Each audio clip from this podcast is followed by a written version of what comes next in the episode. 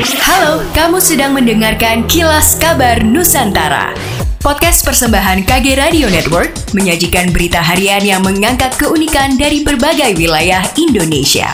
Kilas Kabar Nusantara dapat juga didukung oleh pengiklan loh. Dinas Pendidikan atau Disdi Kota Bandung membuka pendaftaran bagi warga Bandung untuk menjadi calon anggota Dewan Pendidikan Kota Bandung periode 2022-2027. Untuk diketahui, Dewan Pendidikan adalah lembaga mandiri yang beranggotakan unsur masyarakat yang peduli pendidikan.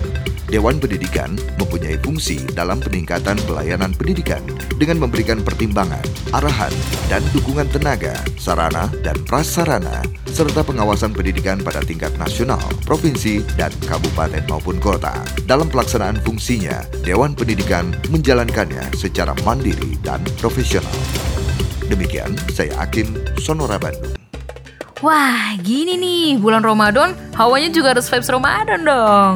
Terus kita buka puasanya pakai apa nih? Udah tenang, udah ready tuh di meja makan. Eits, jangan lupa ngabuburitnya harus dengerin obrolan seru dari produser Medio di segmen Takjil hari ini dan audio drama kisah Anya dan Aji tayang di podcast Anyaman Jiwa di Spotify. Apalagi ada insight kesehatan mental loh dari psikolog, dijamin pasti makin seru deh. Eits, sama dong. Gue juga ada nih podcast andalan yang bisa didengerin bareng keluarga buat ngabuburit. Ada podcast obrolan meja makan yang gak cuma ngobrolin parenting dan isu rumah tangga, tapi juga punya audio drama yang diangkat dari kisah nyata loh. Wah, seru banget. Kalau gini sih, ngabuburitnya di rumah aja. Jadi makin seru dan asik. Iya dong, jadi gak sabar kan ngabuburit bareng Medio? Kami dari Medio Podcast Network by KG Media mengucapkan Selamat menunaikan ibadah puasa.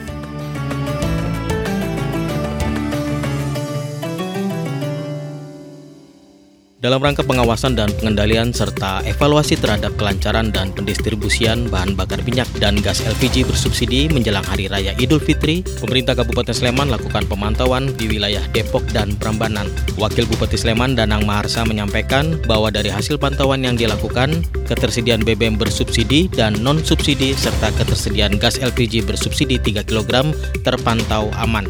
Danang juga menuturkan bahwa khusus untuk gas LPG bersubsidi, pemerintah Kabupaten Sleman Sleman telah mengajukan tambahan kuota fakultatif sebesar 5% kepada PT Pertamina. Pengajuan kuota tambahan ini dinilai sebagai upaya dalam mengantisipasi adanya lonjakan permintaan dari masyarakat menjelang Hari Raya Idul Fitri tahun 2022. Dalam rangkaian peringatan Hari Ulang Tahun TNI Angkatan Udara ke-76, TNI Angkatan Udara Samratulangi Manado mengadakan pasar murah sebagai bagian dari menjawab kebutuhan masyarakat. Marsma TNI Satrio Utomo dan Lanut Samratulangi Manado mengatakan, dilaksanakannya pasar murah ini merupakan instruksi dari pimpinan TNI Angkatan Udara. Khusus di Kota Manado, TNI Angkatan Udara bekerja sama dengan pihak perbankan untuk menyediakan bahan pokok berupa beras, gula, dan minyak goreng. Adanya pasar murah ini disyukuri oleh Pitwatung, warga Paniki Bawah. Pit mengaku senang dan merasa terbantu. Ia pun berharap agar kegiatan serupa dapat kembali diadakan. Pasar murah gagasan TNI Angkatan Udara ini dilakukan serentak di seluruh Indonesia dengan harapan dapat memenuhi kebutuhan masyarakat yang tengah membutuhkan bahan pokok. Demikianlah kilas kabar Nusantara malam ini.